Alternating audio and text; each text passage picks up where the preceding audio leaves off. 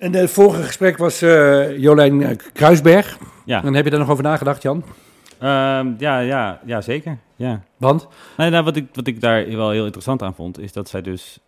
Zij, wordt niet, zij is niet, totaal niet gemotiveerd met geld verdienen. Nee. Dat is gewoon niet waarom ze haar Maar ze wil wel dat het bedrijf gezond is en zichzelf zonder subsidie overeind kan houden. Ja. Maar meer als een middel dan, dan, dan, Ja. eh, dan als een doel in zichzelf. Ja, ja, want zij heeft de, de, de hele tijd dat ze hier was, heeft ze geen, enkel, geen enkele keer gepraat over, over geld verdienen, re- rendementen, percentages, dat, dat, dat soort dingen. Ze was alleen maar bezig met, met die mensen. Ja. En eh, dat- nou, dat, dat zette mij dan, dan wel aan het denken. Dus waar, waar ja, ja, dus haar, echt, de, de doelstelling van haar bedrijf is dus niet geld verdienen. Dat is een primaire doelstelling, geen primaire, maar een secundaire doelstelling. Ja, je kan het een beetje vergelijken. Zo zie ik het tenminste voor me. Dat als je, als je naar je lichaam kijkt, je moet zuurstof innemen om in, in leven te blijven. Ja. Eh, zo moet een bedrijf geld innemen om in leven te blijven. Maar het doel van het lichaam is niet. Je bent niet op aarde om zuurstof in te nemen. Een goede metafoor. bet- Ja, dankjewel. Heb je zelf bedacht? Ik, nee, heb ik niet zelf bedacht. En, ehm, maar dat geldt eigenlijk ook als ik kijk naar, naar omdenken of de, mijn geschiedenis. Ik ben natuurlijk als ZZP gewoon in mijn eentje begonnen. eh, zoals je weet, want je bent mijn zoon. En ehm, eh, de eerste jaren vond ik geld gewoon heel belangrijk. Ehm, en dat vond ik ook een enorme kick. eh, dat ik eh, meer kon verdienen en dat ik de omzet bijhield. En dat ik meer kon vragen voor het werk wat ik deed. Maar op een gegeven moment merkte ik, nou een jaar of 10, 15 geleden, dan is die tak van sport is wel. Dat, ja, daar gaat niet zo heel veel meer, daar gaat niet zoveel voldoening meer van uit. En eh, eigenlijk is het dan veel leuker om te kijken, nou, wat kunnen we betekenen voor mensen? En als mensen dan een mailtje sturen of ze hebben iets aan een podcast of een, eh, of een boek, dan is dat veel motiverender dan dat je gewoon nog wat meer geld... Ja, god, op een gegeven moment is er ge- geld genoeg, toch? Ja. Lijkt mij zo. eh. ja. Dus, dus dan is de primaire doelstelling van omdenken is, is andere mensen helpen, zeg ik dat goed? Ja, en ik denk wel dat het gesprek met Jolijn eh, en ook het gesprek wat we vandaag gaan hebben, het zet me natuurlijk wel aan het denken van wie Ja. helpen we dan precies of waarom. Maar echt een, dat je een doel hebt buiten jezelf, dat je iets voor andere mensen betekent, is wel ja, heel erg motiverend. Ja. Eh, ja. Nou, ik, ik, heb ook, ik heb ook heel erg het gevoel dat wij ook heel erg werken, gewoon om iedereen die hier werkt, iets, ja, iets leuks te doen te geven. Iets waar ze gemotiveerd voor zijn. Waar ze, waar, waar Ja, ze, dat je met zin met plezier naar je werk gaat in zichzelf. Ja, ja, ik vind dat een hele waardige doelstelling. Ja. En belangrijk, ik ben geprikt eh AstraZeneca hè? Ja. gisteren op Koningsdag. Nou, wat wel grappig was, eh, een beetje gênant, waren twee heel lieve mensen, die eh, jonge mensen bij de huisarts die dan die prik zetten. En, toen heb, en ik moet natuurlijk altijd flauw doen, dat is, mijn, dat is mijn natuur. Dus toen die prik gezet was, toen zei ik, het is wel Pfizer toch? En toen keken ze me verschrikt aan en zei ik, ja, ik heb heel nadrukkelijk, nadrukkelijk gezegd, ik wil geen AstraZeneca. Maar ja, die prik zat er al in. Dus, maar ze schrokken zo erg dat ik dacht, dit is gewoon te, te gemeen om, om die grap vol te houden. Helemaal niet Ik grappig. heb, ik heb meteen verteld dat het een grap was. nee. Maar goed, ik ben geprikt. En, eh, en eh, nou, de afgelopen week ben ik nog vijf dagen in quarantaine geweest... omdat een van onze medewerkers bleek corona te hebben. En eh, nou, dan moet je in afzondering, ben ik getest. En na vijf dagen weer getest. En ik had echt zo'n gevoel deze laatste week... want ik wist natuurlijk al langer dat ik 27 eh, april eh, eh, mijn AstraZeneca-prik zou krijgen. Echt zo'n beetje het gevoel wat je... ehm, eh, ik moest denken aan de Tweede Wereldoorlog, dat mensen feest vierden op de Dam, dat Nederland bevrijd was. Dat op die dag nog een aantal mensen vanuit de ramen rondom de Dom zijn neergeschoten door Duitsers. Toen dacht ik, dat moet mij niet overkomen. Vind ik ook, dat vind ik ook heel vergelijkbaar. Ja, nou, het maar je snapt het idee. Hè? Je, wil, je wil niet en in quarantaine zijn en dan geprikt worden en dat je dan toch nog corona krijgt. Dus ja, eigenlijk was het, terwijl ik er nooit echt bang voor geweest ben, zou ik het gaan krijgen of niet. Eh, de, de laatste week maakte ik me wel zorgen. Ik moet het wel goed doen de laatste weken. Want me netjes over de, mijn heel huis over de streep zien eh, te krijgen. En hoe voelt het nu om over de streep te zijn? Nou, nog niet helemaal zeker. Want het AstraZeneca, dat moet natuurlijk gewoon even een paar dagen... Het duurt natuurlijk een tijdje voordat je echt goed beschermd bent. Eigenlijk Ja. ook de tweede. Maar ja, het belangrijkste is dat we natuurlijk als, met z'n allen als mensheid natuurlijk in een veilige gebied komen. Eh, In mijn eentje heb ik nu niet zoveel aan. eh. We moeten ons allemaal natuurlijk veilig gaan. eh. We zijn boos. Boos op hoe in veel organisaties werknemers als kleuters behandeld worden. Boos op hoe nogal eens niet het welzijn van de wereld, maar de welvaart van directies, eigenaren en aandeelhouders centraal staat. In deze podcast gaan we in gesprek met mensen die, als het gaat om werk, fundamenteel anders durven te denken en vooral durven te doen. Met belangstelling luisteren we naar de verhalen van deze dwarsdenkers, pioniers, durvals, weirdo's, kortom, omdenkers. Eh, met wie gaan we vandaag in gesprek? Jan, Ruim 1% van de Nederlandse bevolking is gediagnosticeerd met autisme. Slechts 47% van de volwassenen tussen de 16 en de 45 jaar met autisme heeft een betaalde baan. Meer dan de helft dus niet. Van diegenen die een betaalde baan hebben, zegt slechts 28% een baan te hebben die past bij hun vooropleiding en ambities. Volgens onze gast vandaag is dat niet alleen een kwalijke zaak, maar vooral een gemiste kans. Zijn motto is: autisme is een talent. En hij bewijst dat door met zijn bedrijf Talent Twist juist mensen met autisme aan het werk te helpen. We hebben het over niemand minder dan onze gast van vandaag, de geweldige Ronald van Vliet. Tromgeroffel. En, eh, nou, Ronald, fijn dat je er bent. Klopt dit? Eh, ja, dat Want we hebben het van jouw website gejat natuurlijk en we lezen dat er gewoon voor. Maar deze gegevens kloppen. ja, deze gegevens kloppen absoluut. eh, helaas, moet ik ook zeggen. Maar eh, Helaas, want nou ja, net wat het zegt. Er zijn heel veel mensen met, eh, met talent en een goede vooropleiding. En die worden ja, in mijn optiek gewoon overgeslagen voor de, voor de arbeidsmarkt. Terwijl zij ook dromen hebben en, eh, en hun leven willen leiden. 1% van de, de bevolking. eh. Ja, 1% van de bevolking. En meteen even over de vooroordelen van, dan hebben we dat maar uit de wereld geholpen. De vooroordelen die we kennen zijn natuurlijk Rainman. En, eh, en eh, Kees Mook heet hij, hè? De, Ja, Kees Momma. oh, sorry, Kees Momma. Ja. die, die ook bij de Wereld Draait Door geweest is. Ja. En eh, dat is, dat is de eerste eh, associatie die mensen hebben bij eh, autisme. Ja, dat is de associatie die veel getrokken wordt, veel vooroordelen. Eh, waarin inderdaad gezegd wordt van ja, men is maar in één ding goed, eh, bijvoorbeeld. Hè. Dus eh, de vooroordelen die je ook hoort is... De eh, autist uh, Sauvant, precies, bijvoorbeeld. precies, ja. En, eh, maar goed, Kees is inderdaad iemand die ongelooflijk goed kan tekenen uit zijn hoofd. Eh, zonder een, zonder een voor- voorbeeld, hij heeft dat gewoon gezien. Maar verder is het algemene beeld dat, er, eh, eigenlijk, dat ze eigenlijk alleen maar in de IT werken. Alleen maar goed met cijfers zijn. eh, Heel erg op details eh, zitten. Heel goed op details, maar één ding tegelijk kunnen. Ja. Eh, je nooit aankijken.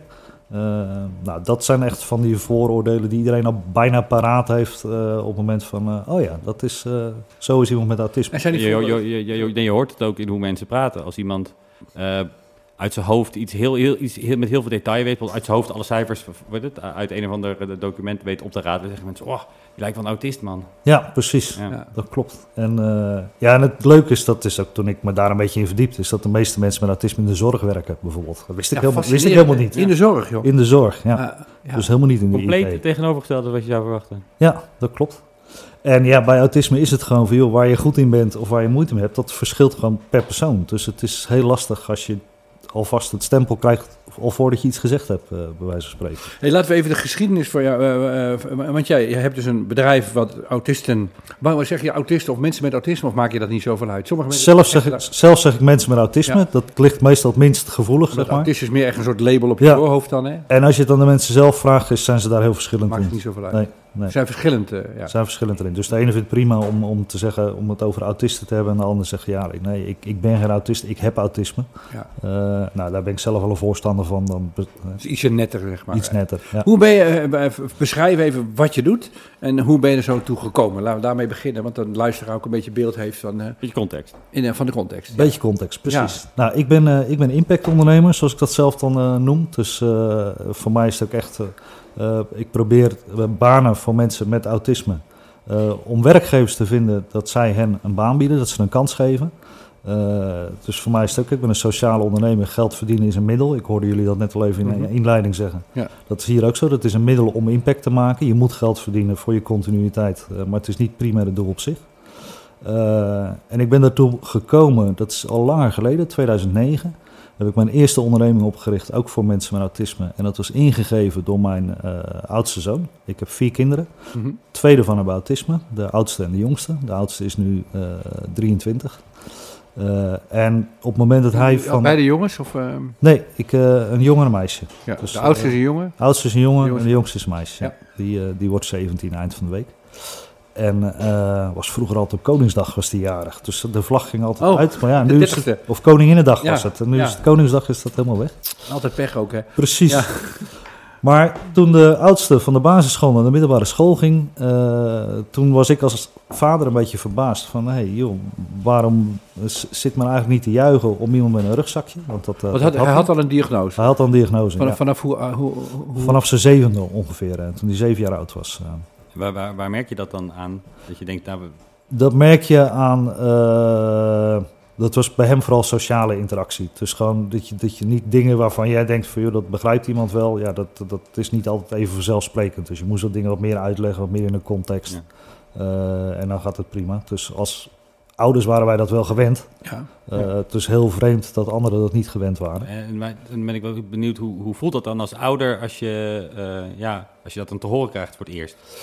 Ja, dat is, eh dan moet ik wel eventjes teruggraven hoe dat toen was. Eh, maar ik weet dat op dat moment liepen wij wel tegen dingen aan. En dan ziet, zegt de buitenwereld van ja, weet je, ja, weet je, is gewoon lastig. En die- je moet hem gewoon opvoeden. En Nou, je kent het wel, ook de alle vooroordelen. Als, als, als, in je opvoeding doe je gewoon dingen verkeerd.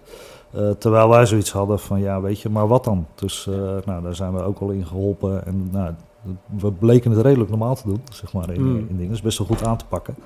Eh, en bij hem speelde er gewoon meer, weet je. Het was niet dat hij eh, niet wilde of, niet, eh, of dat hij zijn kont tegen de krip gooide, zeg maar. Het was echt, hij, hij, hij snapte gewoon sommige dingen niet. Je zag hem er zelf mee worstelen. Je zag hem er zelf mee worstelen, ja. En ja, ik, ik, ik herken dat wel, want ik ben als, als kind heb ik een ADHD-diagnose gehad. En een, eh, een stoornis op het autistisch spectrum. Ja, dachten ze. Dachten ze, ja. Ja. En ook eh, oefeningen en in clubjes en op training gaan met kleuren en Ja. kaarten en eh, dingen Ja. doen. Om emoties te leren herkennen. Ja, en, en, en leren mensen eh, de hand te schudden en in de ogen te kijken. Ja, precies. Ja, En, Kunstjes maar- leren, ja. ja. En, en toen, ja, kunstjes leren. ja, dat was allemaal toen ik nou, f- tussen de 12 en de, uit mijn hoofd, misschien iets eerder, tussen de 12 en de 14 was. Toen ja, ben ik daarna gewoon mijn leven gaan leiden. En toen, ehm, als volwassen, volwassene, liep ik ook tegen dingen aan. Toen een aantal jaren geleden heb ik een, ben ik naar een psycholoog gegaan voor een nieuwe diagnose. En toen ben ik opnieuw eh, als ADHD gediagnosticeerd. En ik weet nog voor mezelf dat het toen een enorme opluchting was om heel veel gedrag waarvan ik dacht van nou dat ligt aan mij, dat is mijn schuld, ik ben, er, ik ben, ik ben hier slecht in.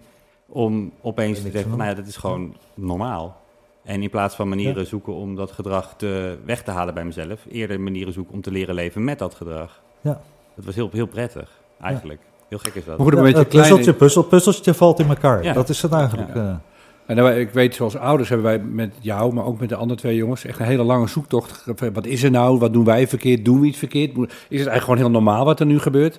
En als ouders wil je het natuurlijk goed doen. Je wil het allemaal goed Ja. doen. En voor je het weet ben je in paniek en gestrest. Dan ga je allemaal met oplossingen komen eh, die het probleem eigenlijk alleen maar erger maken. En, en heel erg goed zien wat er is. En dat dan vervolgens zien als iets waar je ook dingen mee kunt. Niet alleen maar als een gebrek, nou, vooral als een kwaliteit. Maar dat is een enorme, enorme zoektocht eh, geweest. Ja, het is nog steeds, nog steeds voor mij, voor mij een zoektocht. Om te leren leven met, met mezelf. ja, ja. Ja. Ja, ja, ik kan me iets bij voorstellen. Dat Maar jou, jullie hadden een zoon van eh, zeven jaar. En toen kwam er achter, er is, de, eh, hij heeft een, een stoornis, zeg maar. Ja. eh, ehm, en hoe, is het, hoe ging dat verder dan? Hoe dat verder ging is, nou, toen op de basisschool, hij werd ook heel veel gepest. Dat is ook iets hè, waarin Mm. je dat ook wel ziet met kinderen onderling. Maar uiteindelijk was er een school en die, die had een hele bijzondere oplossing. Die hadden een trajectklas, zoals dat dan heet. Dus wat er gebeurde was dat hij startte in een klasje van zes of zeven kinderen. Maar werd wel gekoppeld aan een brugklas. Dus wat ze tussen de brugklas wist dat hij daarbij hoorde en daarin stroomde. Dus hij startte apart en gefaseerd ging hij in het reguliere eh, klasje mee. En zo rond de kerst eh, was die, zat hij gewoon in de reguliere klas, HAVO, is hij toen gestart. En dat ging eigenlijk prima. En waarom ging dat prima? Is ah, nou, hij had A, de rust om op, aan school te wennen, aan de structuur te wennen. De klas die wist gewoon van, nou weet je, hij hoort er gewoon bij en hij komt erin. Was ook bekend dat hij autisme had. Ja, heeft zo zijn handleiding, zeg maar. Precies, dus het was een hele vanzelfsprekendheid dat dat gebeurde. En er is daar op school eigenlijk niks misgegaan in die hele periode. Hij heeft het ook keurig eh, afgemaakt. Hij heeft er ook geen slechte herinneringen aan.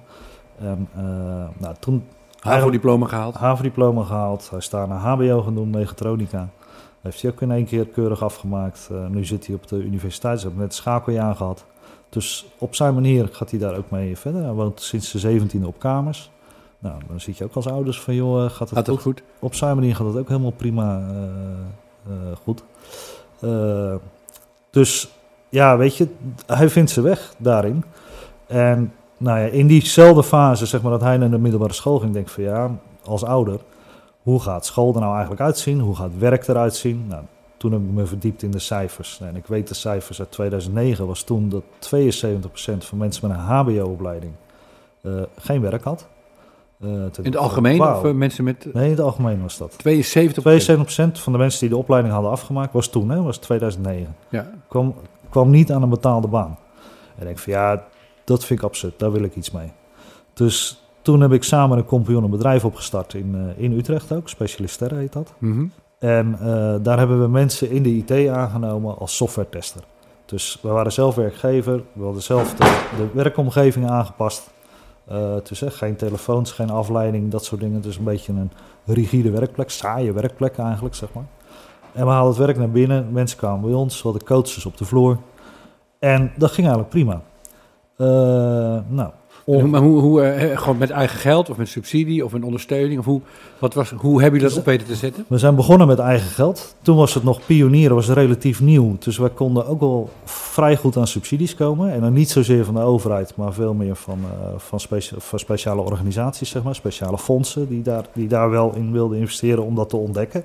Van hoe, hoe doe je dat dan, zo'n eh, zo'n omgeving inrichten. Toen was het 2014. Toen waren er op een gegeven moment een hoop van onze medewerkers die zeggen van... Nou, ik ben heel blij dat ik werk heb. Maar met mijn vooropleiding kan ik wel wat meer dan alleen het software testen. Dus die zaten eigenlijk bij die 28% hè, die niet passen, eh, die niet bij de juiste Want de software testen was, het was technisch vrij simpel werk, zeg maar. Dus technisch was het vrij simpel. En er waren al een aantal voorbeelden. Dus het is ooit in eh, Denemarken is het, eh, is het begonnen. Nou, na een jaar of vijf eh, hadden we 47 mensen met autisme ook in dienst op twee vestigingen. Was, dat- kon het al zonder subsidie draaien? Of eh, Daar hadden we minder subsidies voor nodig. Dat is, eh, het is ging minder, financieel de goede kant op, zeg ging maar? financieel de goede kant. Ja, het was, was binnen acht maanden was het, eh, zoals we dat dan keurig heten, cashflow positief. eh, Hmm. Nou, dat is En- en- van belang. Hè? En in jullie bedrijf, het was echt prioriteit, zoveel mogelijk autistische, nou sorry, mensen. Een autisme. mensen met autisme. Pas op, ja. hè? Pas op. Ja. Je kon het niet verkeerd doen, hè? Dus dat was... eh, ja. Ja, nee, dat klopt. En eh, wat ik daar dus vooral meemaakte, was dat eh, mensen die solliciteerden, die hadden niet altijd een IT-achtergrond. En ook niet altijd een HBO-WO-opleiding. Want dat was ook de doelgroep. Hè. Bij, eh, bij beide bedrijven was het HBO of WO. Maar goed, er kwamen ook mensen met een MBO-opleiding. En er kwamen ook mensen die een andere opleiding hadden, maar zeggen, ja, ik kan geen werk vinden. Kan ik dan iets in de IT? Dat je dat, je dat eh, eh, eigenlijk ging, eh, ging krijgen. En begin vorig jaar nou, ben ik uit dat bedrijf gestapt. Toen kwam brak corona aan. Gaf voor mij even de tijd om na te denken van ja, wat nu? En toen denk ik van ja, weet je, er zitten er nog zoveel thuis. En het kan niet zo zijn dat je mensen alleen maar aan het werk kan helpen door daar een speciale bedrijf voor in te richten. En heel bijzonder is het niet. Heel ingewikkeld is het ook niet. Dus je kunt die mensen het beste helpen als je gewoon andere werkgevers bereid vindt om ook gewoon een paar van deze mensen in, eh, in dienst te nemen. En juist, waarom niet? Dat is, dat is het vooral. Van, joh, ze hebben een goede opleiding, ze willen graag. En, eh, Ja. nou, en daar ben ik Talent Twist voor opgericht. Wanneer, dan heb je dus over heel recent, hè? Talent Twist. Ja, Wa- Namelijk? Oktober 2020 is het eh, Ja. gelanceerd. Ja. En heeft het ook geholpen dat mensen door corona meer en meer ook thuis gingen werken? Is dat een voordeel voor jou Ja. geweest? Ja, dat is zeker een voordeel geweest. Ik had een eh, contact met een bedrijf in België. eh, die, dat was het enigste voorbeeld wat ik kende, zoals zij dat noemen, op het gebied van telewerken. En die zei van, joh, dat werkt prima. Dat was voor coronatijd. En in coronatijd sprak ik die man en zei, ja, het is veel makkelijker geworden, want Ja. iedereen snapt het. Iedereen is gewend nu. Ja, eh. precies. Ja. Dus je hoeft het niet meer uit te leggen. Dus die barrière hoef je ook niet over. En even, voor de beeldvorming. eh, je- dit zijn dus niet alleen software-testers, maar ook tekstschrijvers, webdesigners, boekhouders. Eigenlijk, dat, de, die lijst is eigenlijk eh, oneindig, zou je kunnen zeggen. Ja, dat is een heel breed spectrum. Eigenlijk alles wat je vanaf achter een beveiligde internetverbinding kunt doen.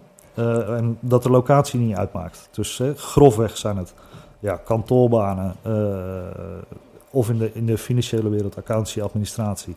Of in de IT. En daar zit inderdaad nog een groep tussen.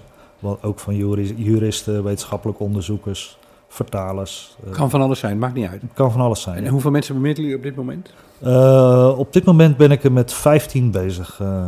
Ja. ja. Ja. Ja. En mijn En die- doel is om aan het eind van het jaar wil ik er 40 in ieder geval minimaal aan de slag hebben. In, in, eh, je- ik heb gelezen, jij schrijft, veel sollicitanten hebben krassen op hun ziel opgelopen. Ja. Ehm, kan je dat toelichten? Kan je daar een voorbeeld van geven? Ja, dat zijn eh, de verhalen die je hoort van de, van de medewerkers die we gehad hebben. Eh, bijna iedereen heeft wel een algemeen verleden dat ze gepest zijn. Eh, op, de, op de basisschool, vroeger ook nog wel op oudere leeftijd. Veel, helaas, wat je hoort, gebroken gezinnen. Dat is een beetje, als ouders worstel je met hoe dan.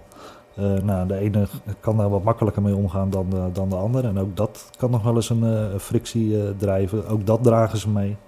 En dan vervolgens, als je dan wil gaan solliciteren, eh, A, heb je zelf bijna geen zelfvertrouwen meer. Dus iets, eh, en het geldt niet voor iedereen. Hè. Het is, het is, voor iedereen is dat anders. Maar dat is gewoon wat je veel ziet. Weinig zelfvertrouwen in jezelf kunnen verkopen.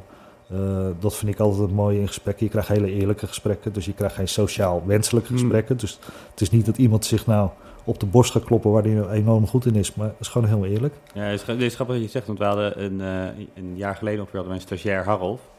En eh, die was ook iemand met autisme. En die heeft in zijn sollicitatie dat als allereerste ding bovenaan zijn brief gezet van, nou ja, ik heb, ik heb autisme. En daardoor ben ik juist heel goed vanwege bla bla bla, aantal redenen. Ja. En, En we hebben hem aangenomen, en hè? we hebben hem aangenomen. En een van de dingen die hij noemde was, ik, ik ben gewoon heel eerlijk. En aan mij heb je iemand die altijd de waarheid zegt en dat is heel Ja. waardevol. En ja, juist omdat hij dat zo presenteerde, hebben wij hem meteen, meteen gezegd, nou kom maar, want dat vonden we superleuk. Ja, cool. Heb je nog een vacature? Dat, dat, is, dat is het ongeloof- het- het ontzettend lastig van corona. Dat voor ons werk natuurlijk heel veel dingen opeens totaal anders zijn Ja. en ook heel veel minder kan.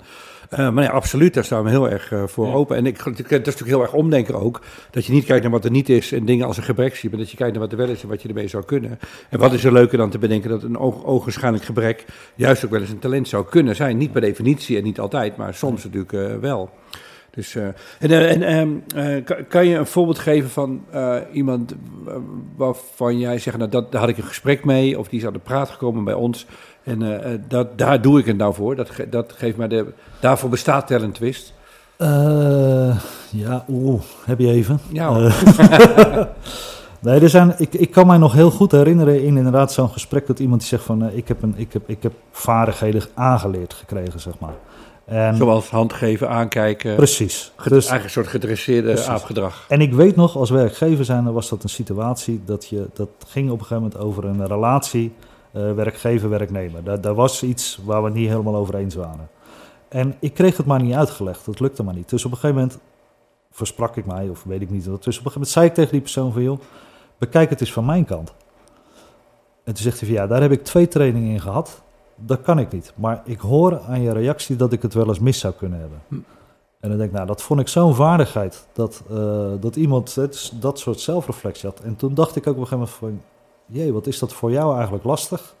Om, die is continu aan het omdenken, om het maar even zo te zeggen. Continu denken van, joh, hoe, hoe kijkt de ander tegen mij aan? En hoe moet ik mij sociaal wenselijk eh, opstellen? Al, al die dingen die voor ons super vanzelf gaan, helemaal vanzelfsprekend. Ja. Ja, ja dat is verschrikkelijk. Precies. Ja. En er zijn ook, ja, dat weet ik ook nog wel, jongens die vijf jaar inderdaad op een zolderkamer zitten eh, en eh, ja, programmeren voor de hobby. Nou, die had ook aangenomen, ja, weet je, het hele leven veranderen. Het was de beste programmeur die we hadden en kreeg plezier in het werk. Eh, onderling, sociale contacten, is je, ziet gewoon leven, je ziet gewoon levens veranderen en opbloeien. En wat eigenlijk voor iedereen met werk ook geldt, daar hebben we wel een voorbeeld van. Dat weet ik dat iemand die kwam uit een, eh, ja, hoe noemen ze dat? Spoor 2 traject ergens. Maar die zat op een soort dagbesteding. Ja, heel slim in de IT. Hebben jullie iets voor hem? Nou, laat maar stage lopen. Stage lopen, wauw, eigenlijk best goed. Eh, een vak geleerd. Ik weet dat die jongens een salarisstrook kregen. Ze, nu heb ik een baan. Nu wordt het tijd voor een vriendin. Hmm. Eh, vier maanden later woonden die samen. Eh, eh, ik geloof nog vier, vijf maanden later zegde hij zijn baan op. Want hij had bij een IT-bedrijf gesolliciteerd. En hij rijdt nu de hele Benelux rond met een leaseauto. En ja, heeft gewoon zijn hele leven op de rit. En ja, dat soort dingen. Daar, Dat, dat is daar word ik, daar word blij van. Ja. Ja. Weet je, het is gewoon, je, ja, je creëert kansen. En het enige wat je doet, is je geeft iemand een baan. Dat, dat is het. Meer doe je niet. Ja, Ik het bedoel, enigste, een baan is nogal niet wat voor mensen natuurlijk. Precies. Ja. dus voor iedereen is dat belangrijk. Ja, In, ontzettend. in onze samenleving, je, ba- je baan bepaalt alles. Be- Ja. Bepaalt, bepaalt je, je, plek, je plek in de samenleving. Ja. Wat je doet het grootste deel van de dag. Waar Ja. je jezelf ontplooiing vandaan zou moeten halen. Ja. Of je erbij hoort, of je Ja. nuttig bent, of je... Ja, dat was ook inderdaad zo'n uitspraak. Ik weet dat wij, zoals het dan keurig heet, een stakeholders eh, bijeenkomst hadden. Dus dat is gemeente, UWV, medewerkers. Zo van, joh, wat betekent het nou het hebben van een baan? Toen kwam er iets heel eenvoudigs dat zegt, van, ja, ik heb iets te vertellen als ik bij de kapper zit. Ja. Ja, Ja. dat dus. Ja. En dat is, eh, ja, dat is echt gaaf. Want, wat voor, eh, wat, want jij moet dus bemiddelen tussen werkgevers aan de ene kant en, eh, Ja. en mensen met een autisme aan de andere kant. Wa- wat is nou aan de kant van werkgevers of potentiële opdrachtgevers? Wat, wat, hoe is het kennisniveau daar? Hoe reageren ze op jouw initiatieven? Wisselend. In eerste instantie heel positief. Dat sowieso. Eh, maar Het wordt gewoon als een goed verhaal herkend. wordt gewoon als een goed verhaal herkend. En, eh, maar ja, dan is het op een gegeven moment moet je het ook gaan doen. dat Ja, is het. ook nog de praktijk. Precies, dus je hebt ook een hoop applaus vanaf de zijlijn. Goed bedoeld hoor, want applaus is ook altijd leuk. Maar ja, Ja. daar- daar verdien je geen boterham mee, om het zo maar... eh, maar het is net of iemand het al eh, ermee bekend is. Daar is het een stuk makkelijker. Eh, maar onbekend is onbemind. Dat hoor je, hoor je ook nog eens. Dus ik weet wel de allereerste die, eh, persoon die ik vanuit Talent Twist kon plaatsen. eh, was, een, was een onderneming die zegt van ja, we zijn er niet zo mee bekend. Dus we willen er ook niet mee eh, naar de buiten komen. Eh, Oh. Dat wij iemand met autisme aannemen. Hè, waarom niet dan? Zou dat gênant zijn op de een of andere manier? Dat vind ik heel raar. Nou, dat, dat- het was, nou ja, dat is toch een beetje het vooroordeel. Van, joh, dat was een, eh, gewoon een, eh, het is gewoon een, een, een goed IT-bedrijf van een jonge, dynamische uitstraling. En ja. misschien toch bang, weet ik niet. Het is niet zo uitgesproken, maar misschien toch bang dat het wat suffig is of zo, weet je. Eh, Om door de wereld, de zo- buitenwereld als een soort losers gezien. Precies. Een club met losers in dienst. Ja, Zoiets. ja, Ja. dat kan. En, Oké, en- Maar goed, de ervaringen zijn positief en het is omgeslagen. En het is van, ja, weet je, nu willen we wel meer mensen met, eh, met autisme hebben. Want ja, het zijn eigenlijk gewoon medewerkers. Ja. En dat vind ik ook het bijzondere ervan.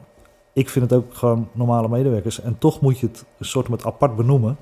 Om het zeg maar in de spotlight te zetten. Om eigenlijk weer te zeggen van ja, want het is eigenlijk heel normaal wat je doet. Dus Ja. wat je doet moet eigenlijk niet nodig zijn. Maar ja, het is wel even nodig om, eh, Ja. Om te zorgen dat het weer gewoon om te zorgen dat het weer gewoon Nou, nou, het moti- het- ja, ga jij maar eerst. Ja, nee, nee, op, je, op je website zeg je dat, dat sommige werkgevers ook echt op zoek, op, bewust op zoek gaan naar de meerwaarde van werknemers met autisme. Ja. Eh, maar ik was wel niet, wat, wat- wat is dan echt de meerwaarde? Wat, wat, wat kan iemand met autisme veel beter dan iemand zonder? Ja, nou, ook dat is heel verschillend bij iedereen. Hè. Dat is ook hè, waar iemand moeite, nou, dat heb ik al eerder gezegd, waar iemand goed in is of, eh, of juist moeite mee heeft, verschilt per persoon. Eh, maar wat je wel heel veel ziet, is dat de concentratie wordt, ik- men is in staat om concentratie langer vast te houden. Daartegenover staat dat het ook weer heel veel energie kost. Dus misschien de, de, de werkweek wat korter is, omdat je dan Ja. op bent, zeg maar. Dat je de batterijen even op moet laden. Maar wel gefocust blijft. Dus dat wat je vraagt, dat wordt ook echt uitgevoerd. Eh, er is ook zo'n vooroordeel dat iemand zeg maar, maar één ding tegelijk kan. Nou, er zijn ook mensen die prima meerdere dingen tegelijk kunnen. Eh, alleen aan vragen van, joh, maar kan wel zo zijn dat ik even iemand nodig heb die mij af en toe even helpt als er een heel lijstje ligt wat nou de prioriteiten zijn. Wat hoofd- en bijzaken zijn. Want ja, als je alles vraagt, dan wil ik alles doen. Eh, nou, dat, dat dus. Eh, verrassende inzichten. We hebben dat gezien op het gebied van IT, maar we hebben dat ook gezien op het gebied van administratie. Eh, dat ja, een hele groep kan een bepaalde oplossingsrichting in, indenken. En er komt iets helemaal van de andere kant binnen waar niemand aan gedacht heeft. Eh, en dat vloeit dan wel toch wel voort uit autisme, omdat men op een andere manier naar de, eh, naar de situatie kijkt. Nou, Of puur omdat iemand anders denkt, bedenk je andere dingen. Precies. Ja. Dat. Eh, structuur komt er vaak als vanzelf in het werk. Want ja, men denkt gestructureerd. Dus ja, dat uit zich ook in een hoop dingen. Ja. Dus dat zie je in code, maar dat zie je ook in beschrijvingen, dat zie je ook in overdracht, dat zie je in documentatie. Ja, dat brengt gewoon heel veel meer. Die dynamiek, zoals je het zelf net noemde, die eerlijkheid. Hè? Neem iemand aan die eerlijk Ja. is. Ja, dat, dat is heel ontwapenend voor de, Ja. voor de rest in de groep. En ook ja, wel heel gaaf. Er zit Ja. nooit een politieke boodschap in. Nee, ik, een, ik, eh, ik vond het persoonlijk heel prettig. ja, Dat ik, dat ik eh, de, de stagiair, die, die, hij, was, hij was er een week of zo, en ik vroeg hem om, om feedback op iets. En zegt gewoon, nou, ik vind niks, ik vind het lelijk. ja. Ja. Wel- Welke stagiair zou zelfvertrouwen hebben om, om dat te zeggen? Dat, Nou, dat vind ik heel waardevol. ja, niet Ja, zoveel. super. Ja. En dan zijn er best dingen die je bij kunt leren op welke manier je zegt dat, dat het niet waardevol is. En dat kan Ja. in een eigen team kun je heel veel, heb je heel veel vrijheid en dat soort dingen. Nou, als er dan een, een, eh, een relatie bij zit eh, en je weet dat iemand het misschien wat onhandig eh, kan brengen. Nou ja, dan neem je dat deel van het gesprek over. Of je spreekt inderdaad, dat kan ook dat je iemand er best op aanspreekt. Van, joh, als zoiets komt, laat dan iemand anders het even uitleggen. Maar aan de andere kant vinden ook, dat is ook de ervaring, als gewoon eh, eh, mensen, als er een directe relatie is tussen een opdrachtgever en een medewerker, en je weet het van elkaar, dan waardeert men het ook, hetzelfde wat je zegt, dan waardeert men het eigenlijk ook. Ja. En dan hoor je ook wel eens van, ja, ik wou dat eigenlijk al onze medewerkers het zo deden, want ja, ik weet niet wat er aan de hand is. eh. Ja. En dat kan ook zijn, dat weet ik ook nog een traject, inderdaad met software development, eh, dat men echt volledig de verkeerde weg was, eh, was ingeslagen. En dat iemand zegt van, ja, maar dat gaat niet goed met allerlei redenen erbij. En dan zegt zo iemand van, ja, had ik dat maar eerder geweten. Ja. Had een hoop geld bespa- bespaard. eh. Hoe, hoe, ben je veranderd, hoe, hoe, hoe ben je veranderd dan de afgelopen 10, 15 jaar door dit te doen? Wat, hoe heeft het jou beïnvloed als mens? Ja, ik vind het ongelooflijk gaaf dat je leven ziet veranderen zonder dat ik het gevoel heb dat je daarna zoveel meer voor hoeft te doen. Ik bedoel, het is zo gaaf als je, als je mensen, eh, nou ja, zoals ik het zei, met een kras op hun ziel binnen ziet komen. En je ziet hun zelf dat zelfvertrouwen weer krijgen, het leven oppakken en dat soort dingen doen. En ik ook een beetje heb, eh, ja, voor mij gaat het ook niet meer om geld verdienen. Dat, dat, dat had ik toen mijn kinderen jong waren. En dat is ook logisch, weet je. Dan, eh, dan, eh, ze, je wil ze laten studeren. En, eh, Ja, gezin draaien houden. Precies, moet gewoon... Ik wil ook een Nintendo 64. Ja. Dat heel duur. Precies. En, uit- ja. en uiteindelijk leer je ook wel van, joh, als je alles een beetje eerlijk verdeelt, dan heeft iedereen gewoon een goede boterham. En eh, niemand hoeft er een, een veer om te laten, zeg maar. Eh, en als je dat gewoon goed uit kan leggen, ja, dan, dan, dan is dat helemaal prima. En ook daarin zie ik het verschil in die afgelopen tien jaar. Bij de vorige bedrijven toen we begonnen, eh, was het bij ons ook als vanzelfsprekend, omdat er beperkt geld was, waren de lonen wat lager van de mensen die kwamen. Zeggen, ja, weet je, we investeren niet in een leaseauto, maar wij investeren in de jobcoach, bij wijze van spreken. En nu, eh, door het te doen zoals ik het nu doe, krijgen de mensen gewoon de lonen die collega's ook krijgen. Dus dan hoeft dat ook niet meer. Dan, dus dan maakt het ook een stuk, stuk eh, eh, makkelijker. Dus ja, ik, eh, ik word hier wel blij van. We hebben, eh, tot nu toe, eh, we hebben het in mijn beeld vooral over mannen. Ik zie dan mannen voor me. Bij, maar ehm, heel veel, er zijn natuurlijk heel veel vrouwen met, eh, eh, met autisme. Eh, ik, ehm, ik lees echt vooral even wat verontrustende cijfers die ik van jouw website gevonden heb. Of nee, algemene cijfers. 42% van de mensen met autisme, van de mannen is alleenstaand. Maar bij vrouwen nog meer, 47%. 51% is ontevreden over sociale contacten. Eh, eh, Heel veel vallen uit in het, eh, in het onderwijs. Ehm, is vrouw, zijn vrouwen een vergeten groep binnen, eh, binnen deze Eh, wereld? Nou, de- de- sowieso is het waar een diagnose op, op gesteld wordt, is het eh, aan de man inderdaad veel meer dan aan het aantal vrouwen. Eh, wat ik begrepen heb, ik ben er niet helemaal in, eh, in, in thuis, ben, wat dat er gaat geen specialist erin, maar wat ik wel begrepen heb is dat het bij eh, eh, vrouwen is de diagnose later omdat het, ze weten het beter te verbloemen. Ze Mm. weten daar beter mee om te gaan in hun sociale contacten en, eh, en dat soort eh, eh, zaken. Dus ze lopen, komen er later tegenaan. Maar referentiekader voorheen waren die IT-bedrijven. En dan heb je in die IT sowieso werken meer mannen dan vrouwen. Dus Ja. wat ik voorbij heb zien komen, waren ook vooral mannen. Nu ik met Talentwist begonnen ben, was mijn grootste verbazing dat het aantal mensen die zich inschrijven op zoek naar een baan is ongeveer 50-50. Hmm. Dus veel vrouwen en dan veel, wel veel in de creatieve eh, hoek en de eh, administratieve hoek. Dus die zoeken inderdaad op social media specialist of teksten schrijven of kan iets met, met journalistiek doen.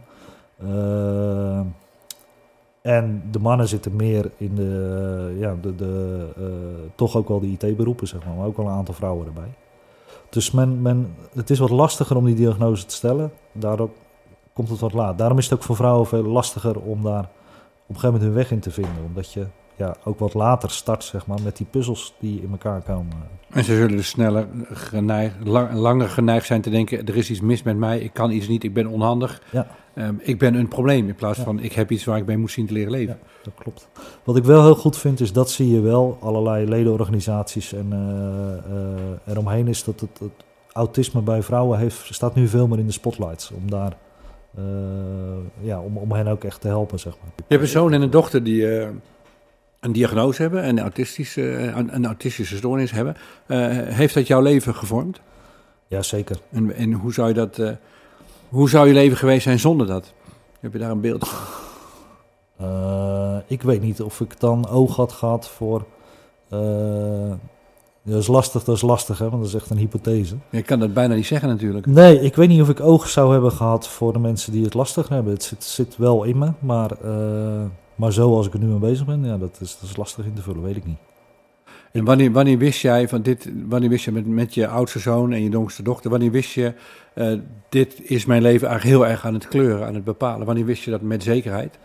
Eh, ik denk op het moment dat ik, eh, dat ik vooral bezig was met geld verdienen. Dus geld verdienen voor het gezin.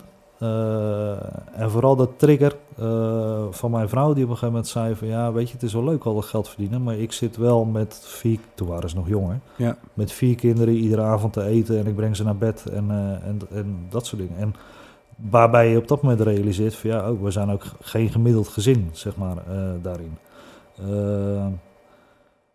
Wat voor de rest wel aanwijsbaar was, was dat wij als toen wij wisten dat bepaalde structuur helpt in een gezin, eh, en dat ook de oudste vooral hielp, eh, waren wij, zonder dat we het echt door hadden, best wel gestructureerd bezig. Iedereen had zijn vaste plek aan tafel, eh, iedereen had zijn eigen kleur, van bordje, beker of weet ik wat. voor mij dus, hè, als ik, kreeg, ik weet nog wel, ik kreeg van een relatiegeschenk vier stuitenballen. Eh, allemaal in, in een kleur. En ik hoefde hem alleen maar op te houden. En iedereen pakte zijn eigen bal, zeg maar. Ja. Eh, vaste plekje in de auto, dat soort dingen. Dus je, je mijt onverwachte situaties. En dat slijpt erin en dat gaat als vanzelf. En zijn er ook, ook dingen die jij hebt geleerd van je kinderen, dat je denkt van, nou, ik had dat nooit zo goed gedaan als ik dat niet van hun had geleerd. Ja, dat is manieren van vragen stellen, bijvoorbeeld. Dat is uh, dus je, je, dat ook als wel als vanzelf. Hè. Als je weet dat iemand gewoon met een open vraag moeite heeft, nou, dan, uh, of met een gesloten vraag juist iemand de verkeerde kant op stuurt, nou, dan, dan, dan, dan vraag je het op een andere manier. Ja. En dat is als vanzelfsprekend. Dus uh, dat merk ik ook wel. Uh, waardoor ik het ook voor mij makkelijker vind om talent twist met andere werkgevers te werken. Ik denk dat ze daar ook wel bij kan helpen, omdat het voor mij zo natuurlijk is uh, daarin. Maar toen wij niet wisten dat de jongste uh, dochter autisme had en mijn oudste zoon op kamers ging, lieten wij die structuur los. Hmm. Dus we hoefden niet meer per se om zes uur te eten s'avonds, bij wijze van spreken. En, en toen merkten we pas dat er iets misging Ja. bij... Oh, want die diagnose was nog helemaal niet die gesteld. eh, was er nog niet. Ah, Dus jullie waren heel wel zo gestructureerd aan het leven dat ze ze gewoon helemaal op de plek ja, Precies. Ja. En ja, dan denk je van, nou, weet je, het is niet meer nodig. Dus dat, ah, weet je, we zien wel wanneer we eten als we trek hebben, weet je, dat soort dingen. Of eerst nog even dit of dat doen. Ja. Ja, en dan zie je iemand eh, wegglijden. Hé, hey, wacht even. Dat is... eh, nou ja, en als je dan die structuur weer terugbrengt, dan, eh, dan merk je... Het heb, weer je dat haar, heb je haar toen laten testen ook? Of, eh, Ja, ja, zij wilde dat zelf op een gegeven moment ook weten eh, eh, daarin. En toen is Hoe, hoe oud was zij toen? Eh, dat zijn de diagnose kreeg 14. Ja, ja. Der- 13 of 14. heel, heel eind op weg al, dus eh, Ja. ja. En, en, maar ik, dan ben ik wel nieuwsgierig, hoe zijn jouw kinderen er zelf onder dat ze autisme hebben? Ehm, Eh, je- de jongste is nog echt aan het zoeken. mhm. Eh, de oudste, die is. Nee, dat gaat goed. Die, die, ja, die, ja, nee, dat is nou eenmaal zo, weet je, dat, dat vooral. En dat zie je ook, die zoekt nu ook zijn, zijn hulp als dat nodig is. Eh, nou, dat, dat, dat, dat kan die zelf prima doseren. Ja. En eh, je ziet ook dat hij dat die bepaalde dingen die hij nog wil leren, daar helpen vrienden hem bij, bijvoorbeeld. Dat is ook een leuke dynamiek om dat te zien. Die, eh, dus ja, en als je ouder wordt, je ontwikkelt je daar ook in, zeg maar. Dus je, je, ook, ook voor mensen zelf wordt het wat makkelijker om, eh, om mee om te gaan. ja. ja, ik merk dat bij mezelf, bij mezelf heel erg. Nou heb ik natuurlijk niet. Ik zit niet zo heel diep op het spectrum dat, het, dat, het heel, een heel, dat ik een heel lastig leven Nee. heb in die zin. Maar het, het leven is voor mij een stuk makkelijker geworden toen ik op een gegeven moment echt diep ben gaan accepteren dat sommige dingen voor mij anders zijn. En daar gewoon eerlijk over zijn.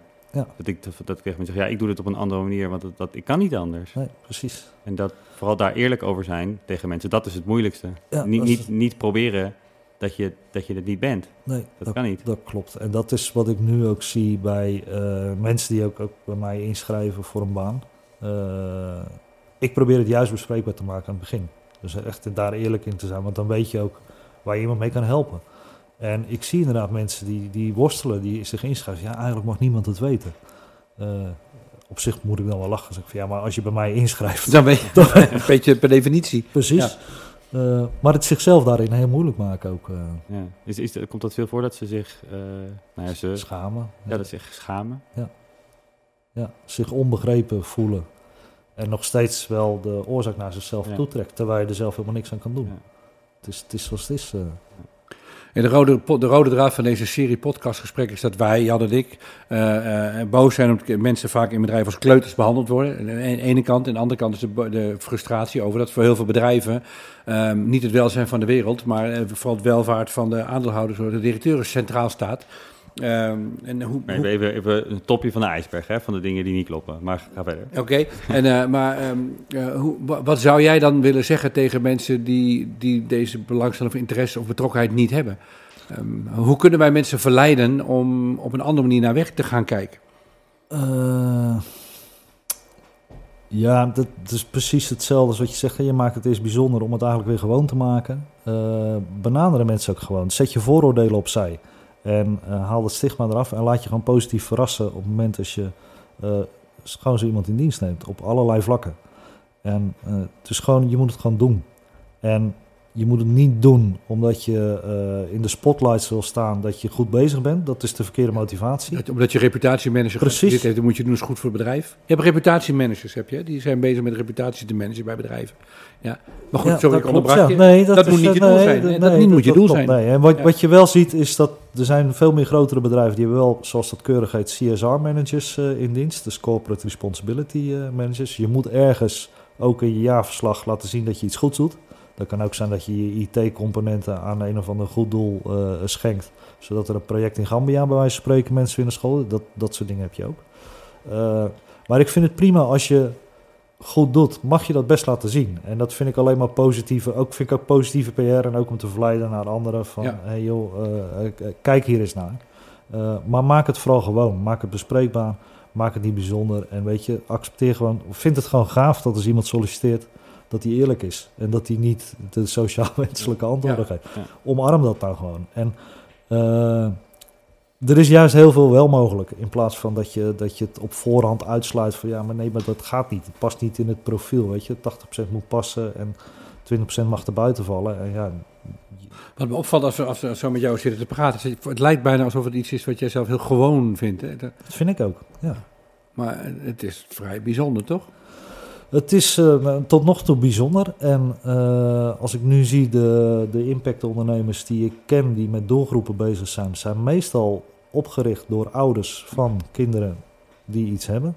Eh, nou, die mensen die, de meeste sociale ondernemers zijn zo'n beetje rond 2008, 2009 opgericht. Die, die bestaan nu ongeveer de 10 tot 12 jaar. En die zitten nu met bijvoorbeeld opvolging. Van joh, hoe draag je zo'n bedrijf over? Eh, Gaan jouw kinderen bijvoorbeeld overnemen? Daarmee is nog een, nou, dat Ja. is wat ik, wel, wat ik wel heel graag wil. Is door dit gewoon te maken, wat ik ook hoop, is dat ik een, een, een, een jongere generatie in mijn team krijg. eh, die ook anders denken dan ik. Dat vind ik ook leuk. Gewoon veel op een andere manier tegen de wereld aan, eh, aankijken. En dit dan ook als gewoon gemeengoed eh, hiermee verder gaan. En dat vind ik ook het leuke dat mijn zoon bijvoorbeeld, hè, door corona is hij zijn baantje kwijtgeraakt. Dus die doet nu de social media voor mij.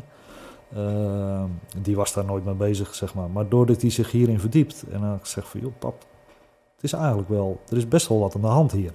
Uh, en ook zijn drive is geworden om toch met een twist, de social media probeert net even anders te doen dan een grijze massa.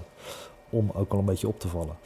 Uh, maar doordat hij daarover doordenkt, uh, is hij ook veel meer uh, maatschappelijk betrokken op mensen voor wie het niet zo vanzelfsprekend is. En ook wat beter betrokken op zijn broer en zus, bij wijze van spreken. Die snapt hij ook wat beter. Nou, dat hoop ik. Hij is 19. Uh, nou, en ik hoop dat er gewoon wat meer twintigers, dertigers uh, zeggen van... Joh, weet je, dit vind ik gewoon gaaf. Hier gaan we, hier gaan we in ieder geval mee verder. Ja. Nou, dank voor je aanwezigheid. Heb je nog eens, heb je, heb je nog voor ons een slotgedachte of een opmerking... of iets wat je in ieder geval mee wil geven? Nou, hebben, hebben, we, hebben we het belangrijkste kennis uit je geperst wat je wilde vertellen? Volgens mij, ja, ik kan hier de hele dag zitten als je niet Ja. oppast. Dus, uh, nee, het belangrijkste vind ik echt van, joh, zet die vooroordelen opzij. Vul het niet van tevoren voor iemand in. Ga met iemand in gesprek en kijk gewoon wat er mogelijk is. En natuurlijk kom je op punten uit die niet mogelijk zijn. Dan is dat zo, maar dan heb je er in ieder geval over nagedacht. En het is ook niet zo dat alles fantastisch gaat. Ik bedoel, er gaan best wel dingen mis ook. Uh, dat, dat hoort er ook bij. Uh, dus het is niet dat we, dat we wegduiken, dat we denken dat alles uh, uh, lukt. Maar het meeste lukt wel. En daar krijg je gewoon enorm veel voor terug. En dat is meer dan een baan. dat is, dus gewoon, gewoon doen. Ga in gesprek, ga het gewoon doen. En maak gewoon je eerlijke afweging op het moment van, doen we het wel of doen we het niet. En maak eigenlijk je afweging, we doen het wel. Ja. Dat is, ja, wat, wat jij zegt vind ik, uh, vond ik, vind ik heel waardevol. Dat, dat, dat, je echt accepteert dat iemand anders is. Wat, wat ik als een enorm compliment ervaarde, dus dat was alweer jaren geleden. Toen hoorde ik, de, toen hoorde ik ik weet niet, ik, ik heb ook soms de neiging om een beetje me heel autistisch af te sluiten van de buitenwereld, anders kan ik me niet focussen. En dat ik me, de ene collega die wou iets aan me vragen en de andere collega komt, nee, nee, laat hem maar even, want zo werkt hij beter. en te, ja, op dat moment, ja. zo, dan voel ik me echt compleet gezien, ja. compleet gezien en geaccepteerd. Ja. Dat, dat ja, andere manieren van doen en werken. Er zit, een enorm, er zit een enorme druk op iedereen om mee te doen, hè, of normaal te Ja. zijn. Ja. Maar ja, wat normaal precies is, dat, uh, daar hebben we een soort gemene delen met z'n allen van gemaakt. En dat moet het dan zijn. Een of andere werkgever denkt ergens nou, iedereen moet het zo doen. En ja, dat, dat is gewoon een, een oplossing die werkt niet voor iedereen. Nee. Wat dat betreft zou je eigenlijk Maar- iedereen eh, af en toe een kind toewensen met een enorme handleiding. Omdat je daardoor gedwongen wordt na te denken over wat is eigenlijk normaal en wat is niet normaal. En als je daar niet over, als je daar niet over na, gedwongen wordt na te denken, is het lastig om het uit jezelf te gaan doen. En precies het punt wat jij zegt, behandel elkaar gelijkwaardig, op, op gelijkwaardig niveau. Dus het gaat inderdaad niet, eh, je moet ook niet iemand een sticker opzetten van, oh ja, dat is Nee. iemand die heeft iets en die zit daar in het hoekje. Nee, het is een collega. Ja. En, eh, Nou, dank voor je tijd en aandacht en, eh, en succes met, de- met, met de club. Ja, Gewoon de voorwaarts, eh, zeggen we dat? Man, manhaftig voorwaarts. dank jullie wel dat ik hier mocht zijn.